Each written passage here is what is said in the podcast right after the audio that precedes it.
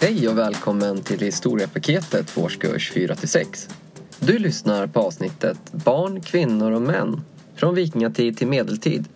Och jag som pratar heter Elias.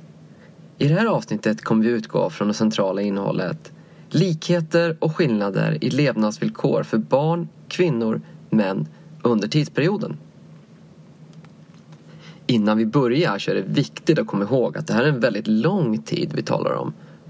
Mellan år 800 och 1500 så är det ungefär 700 år. Det skulle egentligen vara som om du som lyssnar idag förflyttar dig tillbaka till 1300-talet. Alltså långt innan Gustav Vasa blev kung. Så det är väldigt mycket som hinner hända med kvinnor, barns och mäns levnadsvillkor under de här åren. Men med det sagt så är det lika bra att vi sätter igång. Och jag tänkte vi skulle börja i det som vi kallar för vikingatiden. Och när vi talar om vikingatiden menar vi att den började år 750 och slutade kring år 1100. Men det finns lite olika syn på vilka år man räknar som vikingatid. Det är kanske enkelt att förknippa vikingatiden med stora starka män som seglade på havet i drakskepp och plundrade i främmande land. Och att sen tänka att dessa män var de som bestämde och styrde allt. Medan kvinnorna satt hemma och pysslade och tog hand om barn. Men faktum är att det här är långt ifrån sanningen.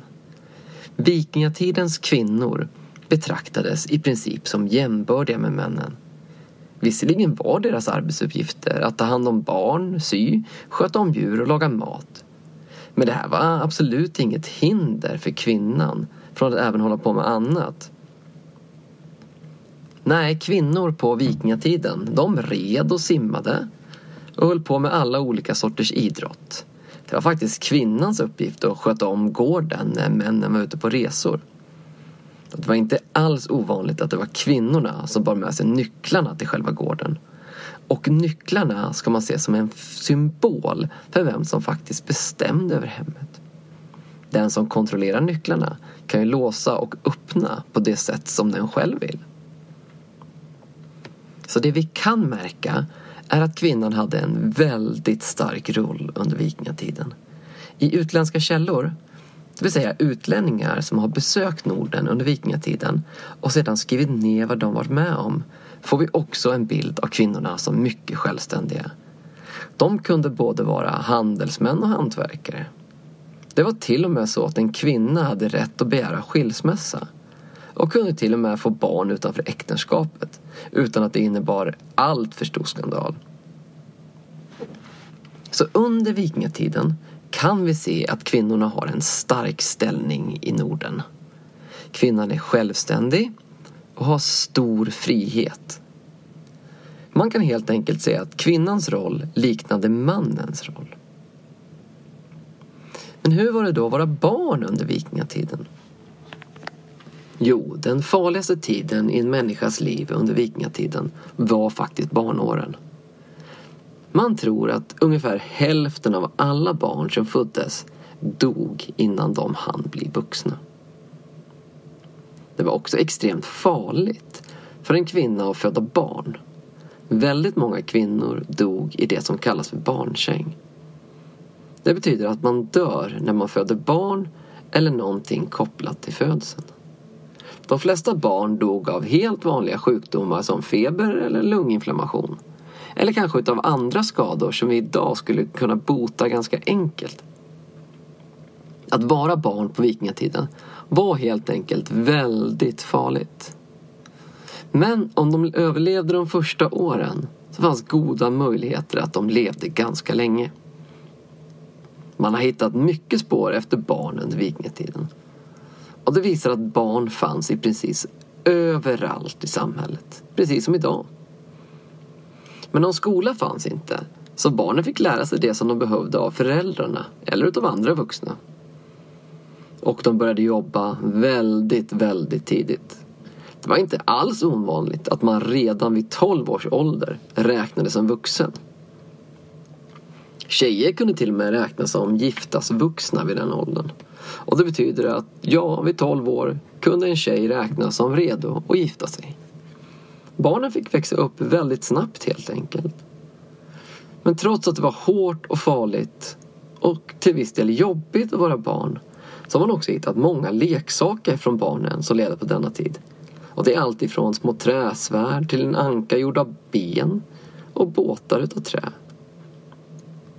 Man har hittat många barngravar från den här tiden. Och i gravarna finns det ofta mycket gåvor som man vill att barnen ska ha med sig i livet efter detta. Det kan vara smycken och vapen. Och det verkar som att man faktiskt har lagt ner väldigt stor omsorg på barnens gravar. Och det visar ju att man har brytt sig väldigt mycket om sina barn.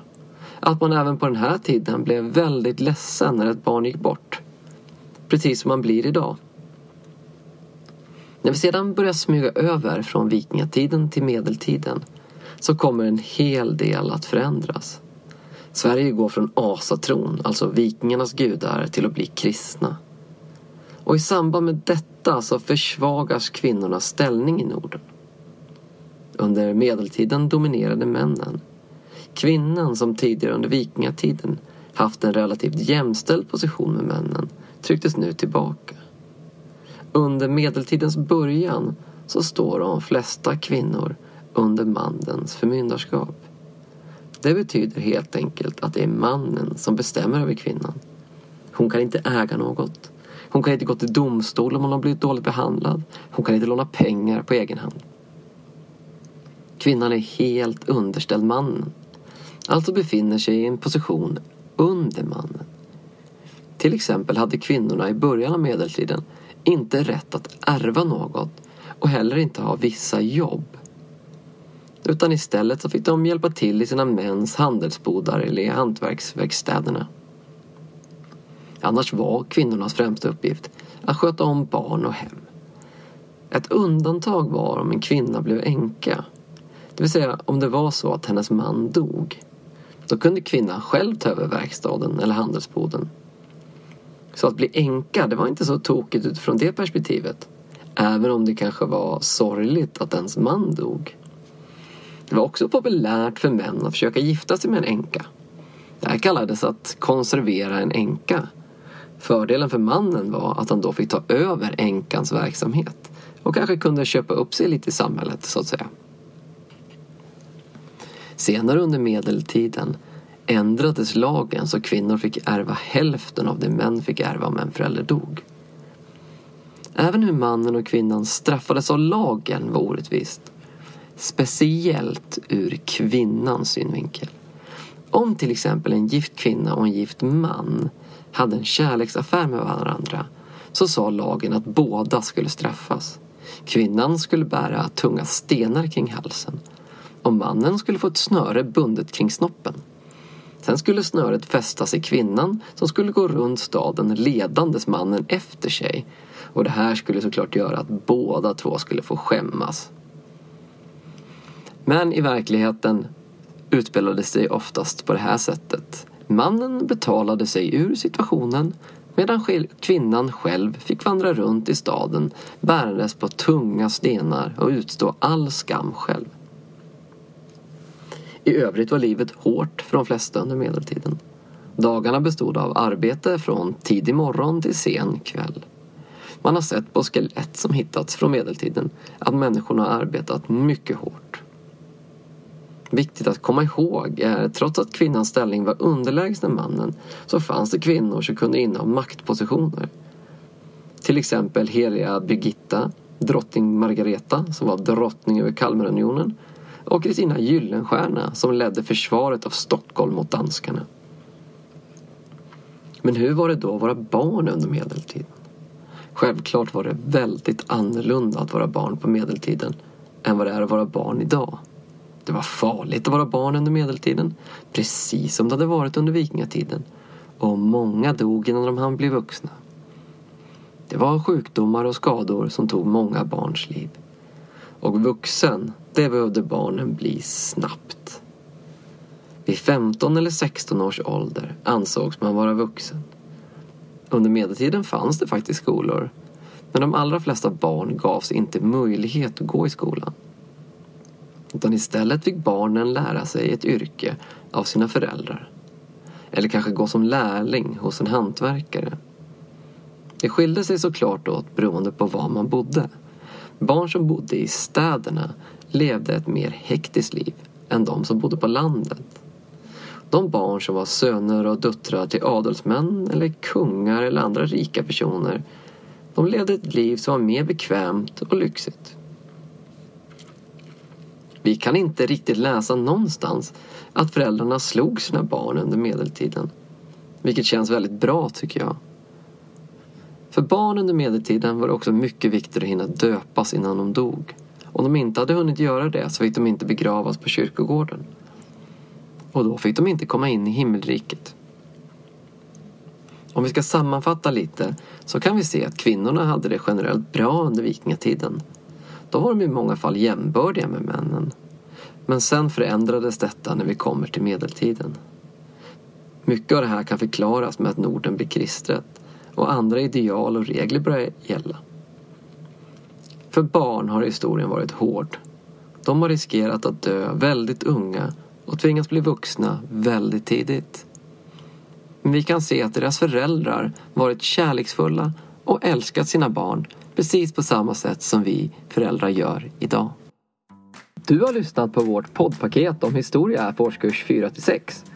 Poddpaketet är framtaget och producerat av vikarielärare. Du hittar massvis av arbetsmaterial och lärarhandledningar till alla våra poddar på vår hemsida www.vikarielärare.se Logga in med lösenordet vikarielärare med litet v. Själva podden kan du hitta på vår hemsida eller på Spotify eller i podcasterappen på din telefon. Hej då!